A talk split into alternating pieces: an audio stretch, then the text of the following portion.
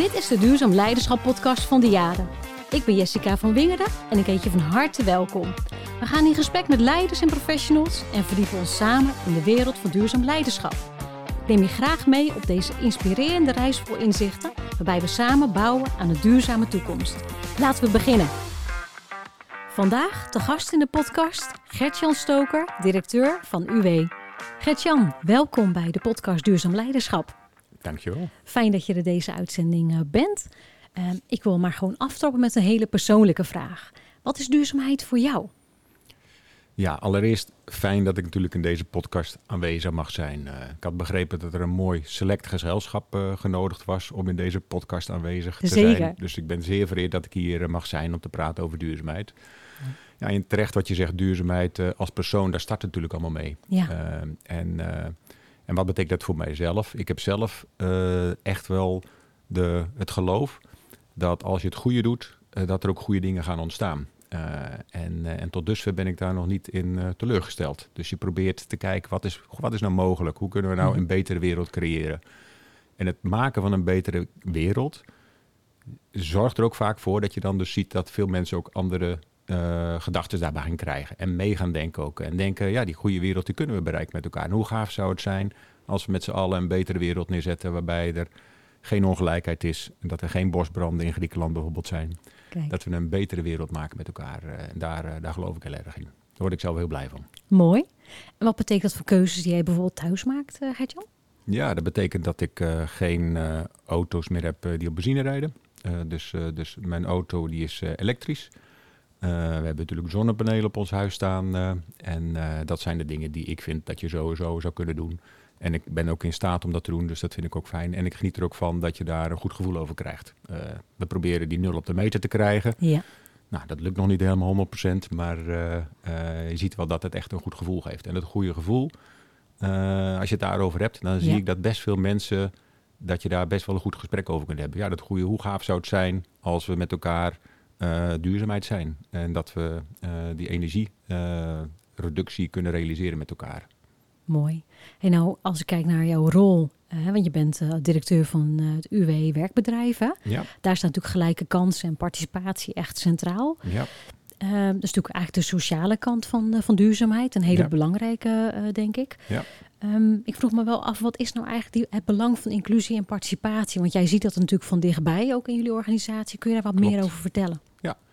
Nou, allereerst vind ik het fijn dat we het hierover kunnen hebben. Als je het hebt over duurzaamheid en je ziet het gesprek beginnen we zelf ook al over de groene kanten van, uh, Ja. van duurzaamheid. Uh, hoe kan je energie reduceren? Hoe zorg je ervoor dat je fossiel uit je leven bandt?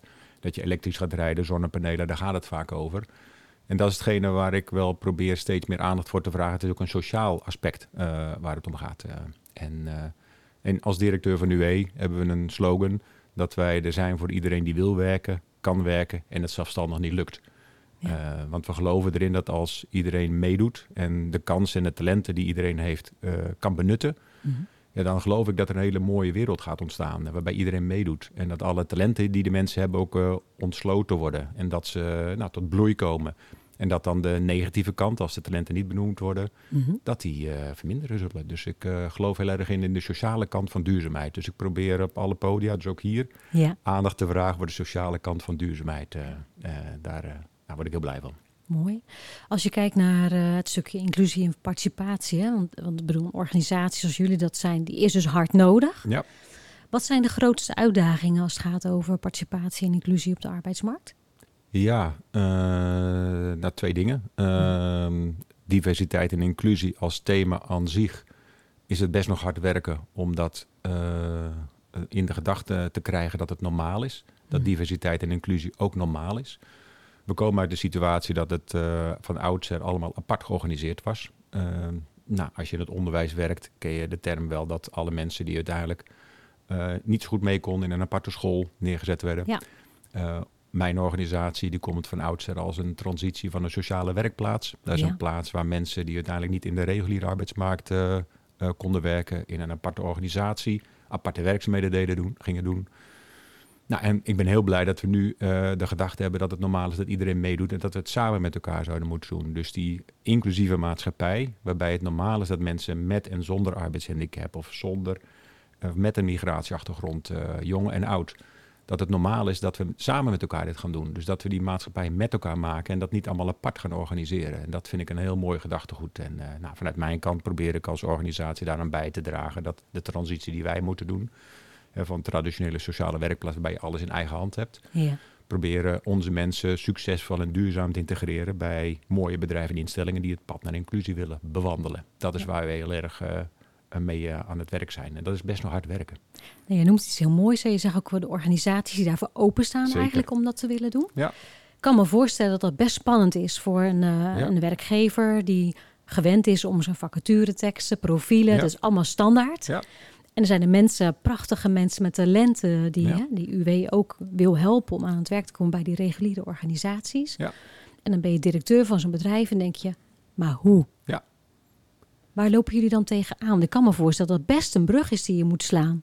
Klopt, ja. En die brug die moeten we naar twee kanten slaan. Uh, onze organisatie die kent zich vooral doordat we ons richten op het individu, op de mens. Ja. Um, als je het slogan hebt, en die hebben wij, als je wil werken, kan werken en het lukt zelfstandig niet.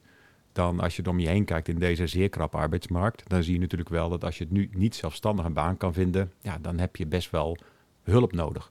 Uh, Dan is er vaak sprake van multiproblematiek.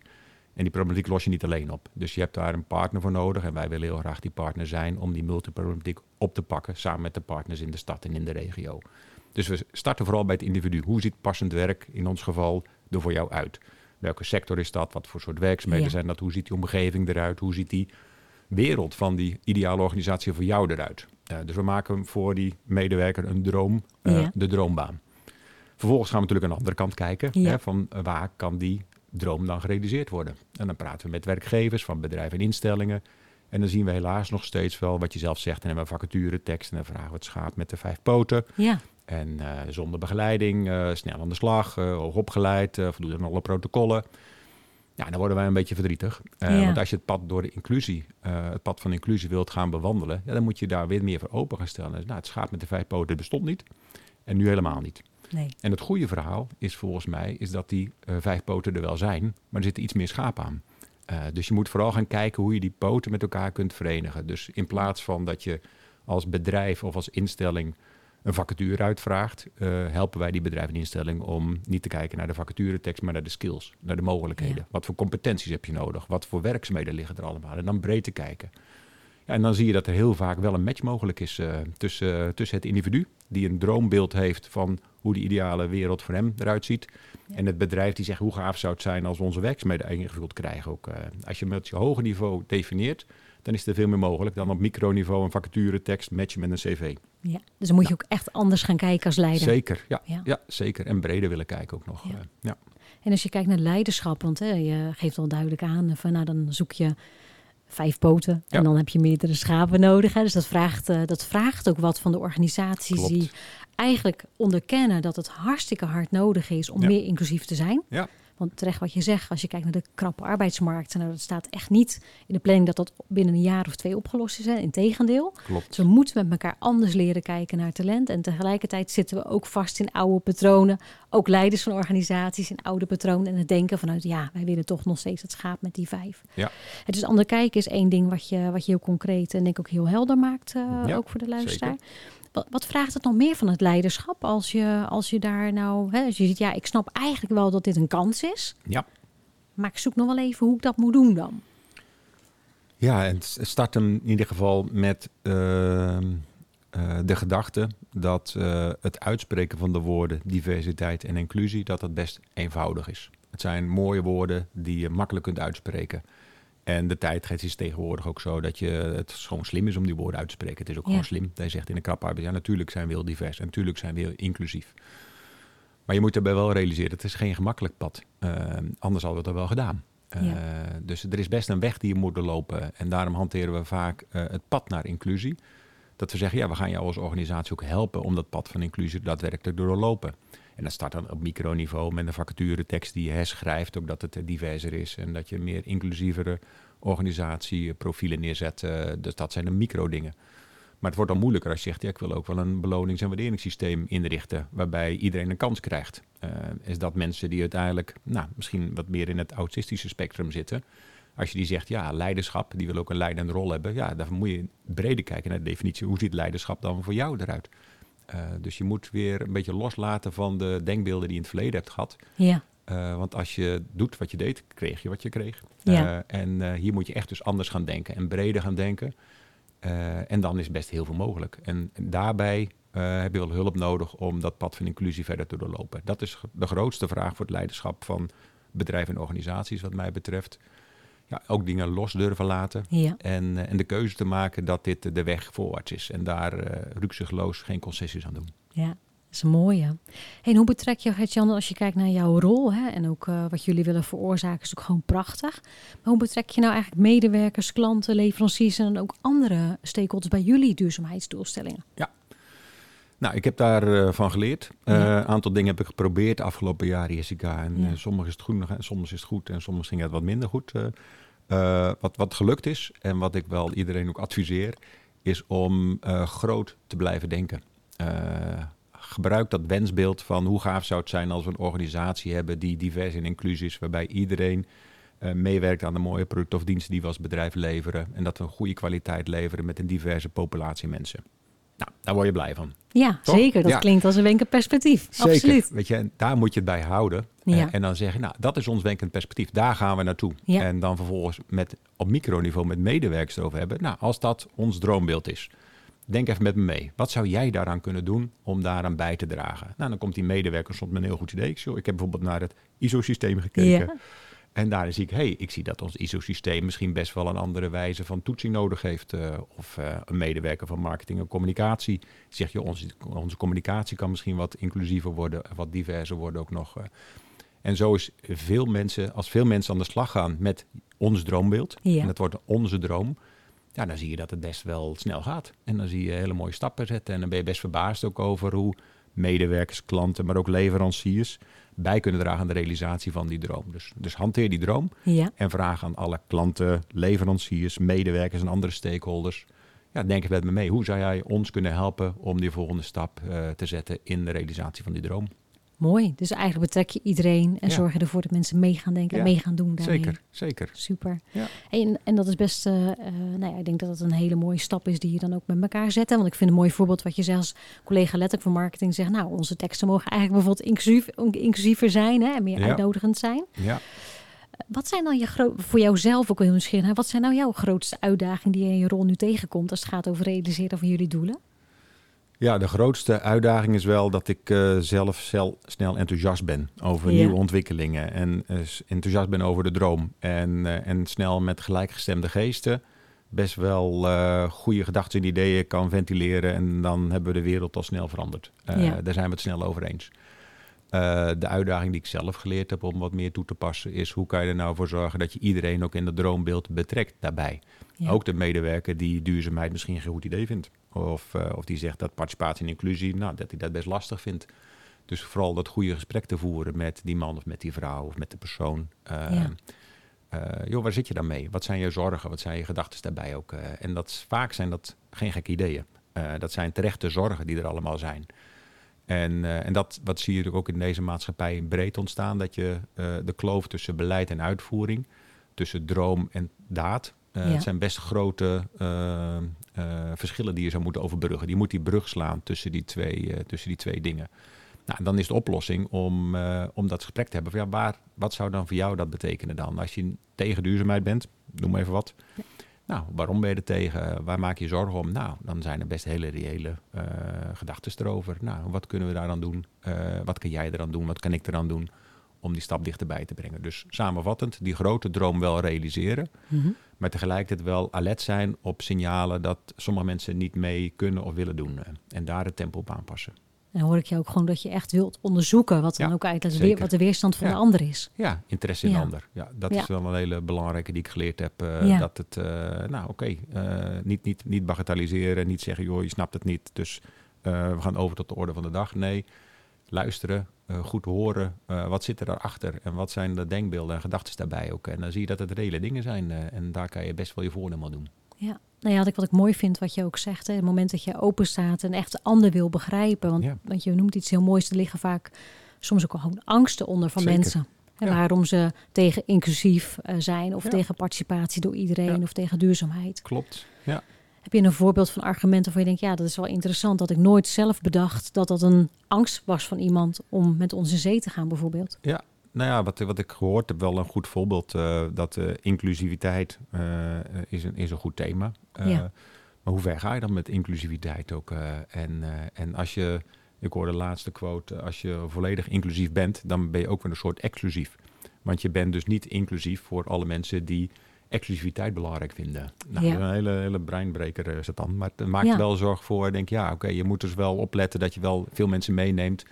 En dat het geen eh, exclusieve activiteit wordt om met inclusiviteit bezig te zijn. Ja, eigenlijk wil je dat het voor iedereen Ja. eigenlijk en het voelt als een logisch Ja. iets, als iets Ja. wat erbij hoort.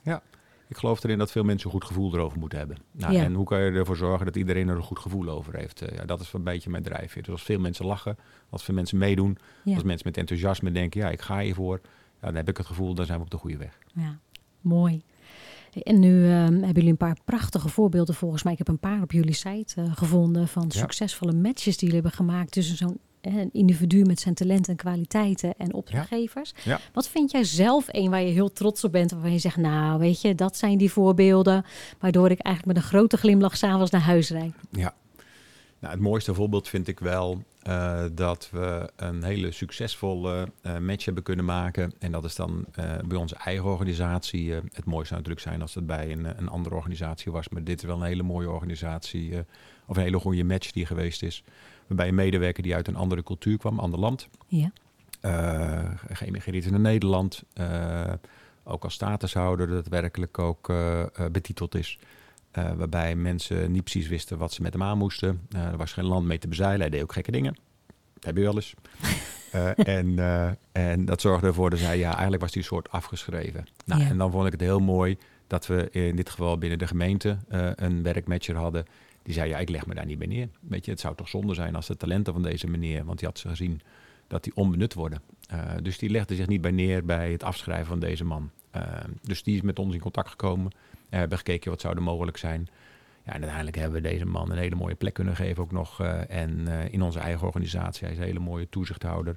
Waarbij hij ook eh, toezicht houdt. Hij kwam uit een horeca-achtergrond. ja, Uiteindelijk houdt hij nu toezicht. En, en met een vriendelijke, doch dringende stem kan die mensen bewegen. Ook in het kader van zijn gastvrijheid. Die natuurlijk Ja. heeft, heeft geleerd in, in het gastland. Eh, heeft hij geleerd ja, om de handhaving goed en eh, mensgericht vorm te geven. En hij maakt ook carrière in onze organisatie. Oh, dus het maakt voor hem persoonlijk heel veel dingen mogelijk. En, eh, en voor onze organisatie ook. dus dat is wel een voorbeeld waar je echt trots op bent. Zeker, ja. En mooi Ja. dat hij ook dicht bij huis is. Dat het iets Ja. is wat, hè, waar je iemand eigenlijk in jullie Ja. eigen organisatie een plek eh, Klopt, kunnen geven. Ja, klopt. Want dat is wel een goede dat je zegt. Je, je kan niet het verhaal naar anderen vertellen eh, zonder dat je dat zelf ook eh, daadwerkelijk eh, doorleefd hebt. Want wij hebben zelf ook wel een aantal fasen gehad. Zeggen, nou, het is best hard werken, diversiteit en inclusie, om dat vorm te geven en te realiseren. En dat weten we dan. En dat zorgt ervoor dat we ook met bedrijven en instellingen dat eerlijke verhaal, ja, we doen het zelf ook. Ja. En we hebben zelf ook wel eens dit meegemaakt. Een divers team, dat klinkt mooi, maar het is best hard werken. Ja, dat is een uitdaging soms. Zeker, Ja. ja. ja. Hey Gert-Jan, welke tips hè, kun je leiders geven die echt aan de slag zouden willen gaan met duurzaamheid in hun eigen organisatie?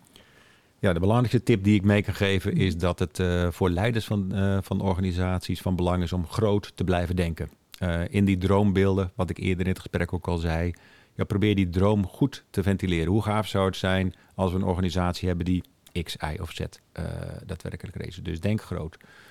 Tegelijkertijd vind ik dat je als leider in staat moet zijn om die grote droom tot op microniveau te vertalen. Ja, wat betekent dat voor jou dan?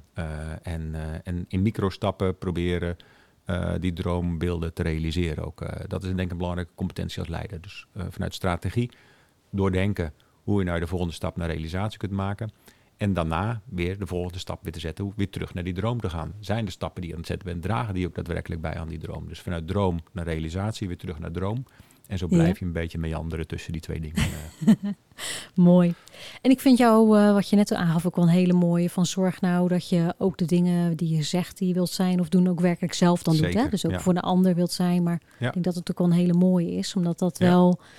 je wilt nooit hebben over dingen als greenwashing. Hè? Dan, Nee. eh, maar nee. in alle breedte denk ik eigenlijk dat het misschien toch wel Ja. ook een hele belangrijke is. De les die je Ja. hebt gehad. Van, weet je, zorg dan wel dat je ook zelf keuzes maakt. Klopt. Nou ja, ik denk dat dat van heel, heel groot naar heel klein kan zijn. Ja. Nou ja, variërend, letterlijk, jij gaf bij je intro je, je voorbeeld. Ja. Dat je zelf dus ook gewoon zonnepanelen hebt en een Ja. elektrische auto rijdt. Dan komen we dicht bij groen. Ja. Maar ook dat soort dingen zitten natuurlijk ook al een stukje in, Dat eh, klopt. in letterlijk het voorleven dan. Ja, dat klopt. Weet je, het is makkelijker om een ander te adviseren om het goede te doen. Ja, Eh, eh, maar als je zelf ervaart dat het ook best soms lastig is en dat die dilemma's er zijn, dan heb je ook een goed gesprek daarover. Ik denk, nou, oké, ik heb dat ook meegemaakt. Ik herken dat wel ook. Nou, ik heb dit geprobeerd. Misschien is het voor jou ook een idee. over dilemma's gesproken, vind ik een mooi, eh, mooi haakje. Wij Ja. hebben in de podcast altijd een aantal dilemma's zeg maar, op tafel waar je mag kiezen. Mhm. uit de twee soms een beetje tegenstrijdige eh, dilemma's, maar dan mag je een keuze maken uit één. En eh, ik heb er een aantal voor je. Aan het einde mag je er eentje toelichten, je antwoord. Dus ik vraag je alleen een antwoord te geven, zonder toelichting. Aan het einde mag je er eentje uitlichten die zegt, nou daar wil ik wel iets meer over vertellen. Helder. Participatie als verplichting of participatie als keuze? Ehm, ja, eh, participatie als keuze. Betekenisvol werk of betekenisvol leven? Betekenisvol leven. Doe maar duurzaam of doe maar gewoon?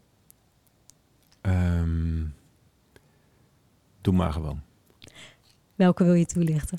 Nou, ik kan eh, twee dingen eh, combineren. Dus ik kan eh, twee dilemma's in één pakken. Vooruit, voor deze keer. want ze zitten een beetje in het verlengde van elkaar. Ja. Wat je zegt, participatie als verplichting of participatie als keuze. En eh, doe maar duurzaam of doe maar gewoon. Ehm, als je het droombeeld hebt, en dat heb ik, is dat eh, eh, duurzaamheid gewoon wordt. En als je het droombeeld hebt dat participatie voor iedereen een goed idee is, Mhm. ja, dan is het niet zo moeilijk. Weet je, dan is participatie natuurlijk geen verplichting. Maar dat, Nee. dat doe je. En dat doe je omdat je het normaal vindt. Het is normaal om te participeren. Het is normaal dat iedereen meedoet. Het is normaal dat iedereen zijn talenten benoemd worden. Dat geloof ik.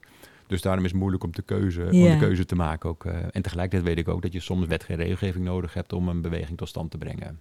Eh, ik had dan ook een stuk een keertje gelezen over een organisatie die eh, drie typen organisaties had gedefinieerd. Organisaties die alleen maar veranderen als de wet verandert. Nou, het greenwashing deel. Ja. Je zei het zelf al. Dus er zijn organisaties die alleen maar veranderen als de wet verandert. Als het illegaal wordt. Type 3 organisaties. Er zijn type Ja. 2 organisaties die rationeel denken... ja, het is wel slim om nu het goede te doen ook. eh, want dan kan ik eh, beter eh, rendement halen... of dat is beter voor mijn businesspropositie. Dus het is je rationaliteit zegt dan dat je het goede gaat doen. En, en dat is de type 2 organisatie. Een type 1 organisatie die intrinsiek het goede doet. Ja. En onze wens is natuurlijk dat iedereen in de type 1 organisatie terechtkomt. Maar je hebt ook nog, nog nodig dat een aantal organisaties gedwongen worden... of dat je organisaties moeten rationaliseren om het goede te doen. Ja. En eh, nou, dat denk ik dat, eh, dat dat een hele goede stap kan zijn. Dat Ja. het normaal wordt om te participeren. Normaal dat iedereen meedoet. En normaal dat we een maatschappij zijn waarbij ieder zijn talenten benut worden. Ja, nou, ik vind het wel heel mooi wat je zegt. Want ik denk wel, we hebben een paar voorbeelden gezien dat wet en regelgeving ons wel enorm geholpen hebben in een aantal versnellingen. Zeker. Ik denk dat we teruggaan aan het moment dat je in één keer moest gaan betalen voor je plastic tasje bijvoorbeeld. Bijvoorbeeld. Dat binnen de kortste keren 80% Ja. minder plastic tasjes op straat eh, lagen. Dus ik denk wel, Ja. ja, hoe graag je het ook wil laten ontstaan vanuit misschien het intrinsieke, vanuit de wens en de droom. Ja, Ja. dat je het inderdaad wel soms ook echt nodig hebt Ja. als maatschappij Zeker. Ja. om een stap te zetten. Precies, om die transitie te maken. En ik Ja. denk dat de overheid daar een hele belangrijke rol in kan hebben. Eh, Ja. En nog verder terug eh, kan je misschien nog herinneren dat we vroeger het normaal vinden om overal te roken. Ja, Eh, dat vreselijk. is ook afgeschaft Ja. vanuit de overheid. Heel veel oppositie tegen, maar uiteindelijk Ja. vinden we het nu normaal. Ja. Dus ik noem af en toe die, eh, eh, die vergelijking ook nog. Ja, weet je, vroeger was het eh, in een restaurant was iedereen aan het Ja. roken. Ja, dat kon je niet meer voorstellen. Nou, Nee, met parti- participatie en inclusie denk ik ook dat we diezelfde kant op gaan. Dat Ja. je vroeger niet meer terug kan denken, hoe is het mogelijk hè, dat mensen gewoon niet meededen. Nee. Hoe deden we dat toen? Nou, daar geloof ik in. Ja. Nou ja, ik denk als we kijken nu naar de ontwikkeling op de arbeidsmarkt, hè, steeds meer krapte ziet ontstaan. Ja. Dat denk ik ook geen luxe meer is. Hè? Dat je, dat je, Ja. Wat ik wel een dilemma soms vind, uh, Gert-Jan, jij zult dat in de praktijk tegenkomen, is dat je dan toch wel organisaties wel hoort van ja, maar bij ons passen echt alleen maar de mensen die echt alleen maar aan die wettelijke vereisten en de certificaten uh, voldoen. Ja, bij ons werken alleen maar hoger opgeleiden. Ja. ja. Wat, en, en, en wat, is jullie tegen, wat is jullie tegenargument? Of kun je, kun jullie daar iets tegenover zetten? Want ik denk als Ja. we met z'n allen dat blijven zeggen, ja, dan, dan kom je met elkaar niet uit een impasse. Hè? Of dan Nee. kom je niet naar zo'n hele inclusieve arbeidsmarkt die we met de tekorten op de arbeidsmarkt natuurlijk wel nodig hebben. Dat klopt. Nou, er zijn uh, een goede, goed punt wat je nog aansluit, uh, Jessica. Ehm, krappe arbeidsmarkt, het ligt een beetje hoe je er naar kijkt. Weet je wel. Dus ik vind het ook wel, uh, wel goed om toch een tegengeluid te horen. In een zeer krappe arbeidsmarkt die we nu hebben, is nog steeds dat we 1 miljoen mensen aan de kant hebben staan landelijk. 1 miljoen? 1 miljoen. Die zijn gewoon inactief. En die zouden best wel willen werken. Dus als je de definitie hanteert, ik wil werken, kan werken, maar ja. zelfstandig niet. 1 miljoen mensen. Nou, het zullen niet allemaal alle 1 miljoen zijn. Maar als je het vacatures optelt, dat zijn er minder dan 1 miljoen. Uh, dus we zouden het morgen op kunnen lossen als we een goede match maken tussen vraag en aanbod uh, op de arbeidsmarkt. Dus dat is best mogelijk om dat te realiseren. Nou, en dat doen we dan op microniveau, op bedrijfsniveau, op bij medewerkerniveau. Door goed te kijken naar uh, wat is dan de, de werkvraag die je hebt en wat is dan de competenties en de skills die onze mensen meebrengen. Dus die match maak je eigenlijk daar dan op, op microniveau. Dat is best mogelijk. En dat betekent ook dat organisaties die met veel hoogopgeleide mensen zijn, die zeggen, ja, weet je, jouw mensen die kunnen dat bij ons niet. Nou, dat zou misschien kunnen, maar er zijn ook best veel mensen die bij ons HBO en universitair geschoold zijn, eh, die ook heel moeite hebben om aan, aan het werk te komen. Dus die zijn er ook wel. Dus dat is ook een van de misvattingen, denk ik, ook over. Uh, ja, dat mensen denken, mensen die ondersteuning nodig hebben, dat zijn mensen zonder diploma. Hè? Dus Zeker. Dat is vaak toch een redenatie die je veel hoort. En mensen denken, ja, maar als ik bij Gert-Jan aanbel, ja dan kan ik daar niet terecht voor iemand die uh, hoger opgeleid is of, of een vakdiploma heeft. Nee, klopt. We hebben één iemand in ons bestand die een, eh, een, eh, een dubbele masteropleiding heeft gevolgd en die bijna aan het afstuderen is. Maar toch bang is dat hij geen baan kan vinden. Dus die zegt, ja, weet je, ik heb twee masteropleidingen gedaan en toch ben ik bang dat ik geen, geen baan kan vinden. Hoezo niet? Ja, ik heb een visuele beperking, ik zie maar 15%. Ja. ja. En dan zie je dat je toch keer op keer nog steeds afgewezen wordt, want het is toch lekkerder als je iemand hebt die gewoon alles kan zien. Ja, ja dus goed, dat betekent... we met z'n allen wel voor de makkelijke weg dus. Ja, en ook een moeilijke weg, want dan is het, lijkt het wel dat het uh, nog steeds meer uh, geaccepteerd wordt. Dat je zegt, het is een hele krap arbeidsmarkt, dus er is geen mensen. Ik hoor het elke dag op de radio. Er, is, er zijn geen mensen, dus uh, we kunnen onze activiteiten niet uitvoeren. Nou ja, dit is wel een hele makkelijke, makkelijk antwoord. Ik heb gezocht en niemand is gekomen. Nou, dan leg je erbij neer. Nou, en ik hoop dat er steeds meer mensen op zullen staan en zeggen, ja, weet je, dat is wel erg makkelijk. Kijk ja. eens wat breder. En de oplossing daarbij is, uh, met een duur woord, jobcarving. Ja. Uh, kijk naar gewoon dat je het werk anders organiseert. En als je het werk anders organiseert, dan denk ik dat er heel veel mogelijk is om uh, mensen die nu inactief zijn, in activiteit te krijgen. En dan kan je al je problemen oplossen. oplossen. Nou, ik hoop dat de luisteraars naar de podcast na dit gesprek ook echt opnieuw gaan reflecteren van dit voorbeeld ja, dit kan eigenlijk niet zo zijn. Hè, dat we 1 miljoen mensen hebben die willen werken en die zouden kunnen werken, die aan de kant staan. Ja. Omdat we met elkaar ja, nog, nog moeten leren om misschien nog breder te kijken en anders te kijken naar potentie en talent. Ja. Nou, ik vind dat mooi samengevat. We, moeten, we moeten het leren. Ja, want dat is denk ik de uitdaging. Ja, en dat moeten leren. Ik zou graag hebben dat we het Kunnen willen en willen. Ja, nou ja, dat is een hele terechte uh, Gert-Jan. Want dat moet is vervelend woord. Hè, maar we mogen het onszelf gunnen. En zowel als organisaties als ook voor degene die, die komt. Ja. En wat, en wat daarvoor nodig is, Jessica, is dat we dan ook breder kijken naar onze definitie wanneer het goed gaat met een bedrijf of met een instelling. En goed gaat, eh, meten we nu af aan de mate van, uh, van welvaart. Ja. Eh, zijn we een welvarende organisatie? Is e-, onze economie goed? En ik zou heel graag hebben dat we een brede definitie, waar je natuurlijk ook met het CBS en veel Ja. andere organisaties mee bezig zijn, dat je het welzijn als belangrijkste punt neemt. Dus van, van welvaart naar welzijn. Daar geloof ik. En dan heb je een bredere definitie. En Ja. dat betekent ook dat je de mensen die nu niet actief zijn, dat je dat niet normaal vindt. En dat Nee. je dus een verantwoordelijkheid voelt. om Mensen die nu niet in jouw organisatie aan het werk zijn, dat je er ook iets voor wil doen. Het goede doen. Ja, de goede dingen goed doen voor iedereen. Ja. Mooi. Ik ga je een laatste vraag stellen, Gert-Jan. Want wij zijn natuurlijk ook heel nieuwsgierig. Uh, je hebt uh, de afgelopen jaren ongelooflijk veel bereikt en gedaan. En ik heb er een paar dingen daarvan gezien. Ik denk, nou, heel veel respect daarvoor. Dan heb je ook vast zelf ook lessen geleerd. En mijn, uh, mijn vraag aan jou is van welke les over duurzaamheid heb je geleerd die je graag ook wil delen met de luisteraar? Ja, kijk, wat ik daar zelf van geleerd heb, uh, is dat ik uh, zelf best veel uh, gelezen heb over duurzaamheid en veel mensen gesproken hebben op het vlak van duurzaamheid. En wat ik daarbij geleerd heb, is dat het belangrijk is om dat echt te internaliseren. En met veel mensen ook te bespreken. En dan, aan, nogmaals wat ik zei, het hebben over jouw droom of welke, welk wensbeeld je hebt. en als je het daar met veel mensen over hebt, ja, dan hoor je best wel heel veel, ook soms tegenwerping of mensen die het er niet mee eens zijn. Mm-hmm. En dat scherpt je gedachten dan weer aan. Uh, dus in plaats van dat je dan op je zolderkamer gaat zitten en een heel mooie uh, visie schrijft over duurzaamheid, ja, is het veel beter om te zeggen, joh, ik heb dit idee, uh, luister eens met me mee, geef eens even commentaar. Weet je, en dat je dan Ja. samen met elkaar, met oprecht interesse aan elkaar zeggen, oh, hebben hier aan gedacht? Oh, wel een goed idee, dat nemen we mee. Dus, dus, dus samen met elkaar die droom realiseren in plaats van dat je zegt, Eureka, ik heb het uitgevonden, Ja. jullie hoeven het alleen maar uit te voeren. Ja, de- zo werkt het niet. Eh, ik heb het geprobeerd, maar ook dat is niet gelukt. Nou, mooi- mooie les volgens mij. Ga in gesprek met een ander, laat je voeden. Ja, Ook met tegenwerpingen. Dus niet alleen met applaus, maar ook met tegenwerpingen en kritische vragen. zeker En vooral doorleef het en maak het je eigen. Ja, en dat is de kracht van diversiteit. Dus, dus zorg nou niet dat, mensen, dat je mensen om je heen verzamelt die het allemaal met je eens zijn. Weet je, dat is lekker, dat is goed voor je ego. Maar uiteindelijk realiseer je het niet. Dus vooral Nee. die diversiteit in de teams. Eh, ik heb zelf het geluk dat ik veel van die teams heb die tegenspraak organiseren. Het is best lastig soms. Ja. Maar het zorgt wel voor betere ideeën. Dus daar geloof ik heel erg in. Heel mooi. Dankjewel voor het gesprek. Ja, graag gedaan. Dit was een podcast van Diade.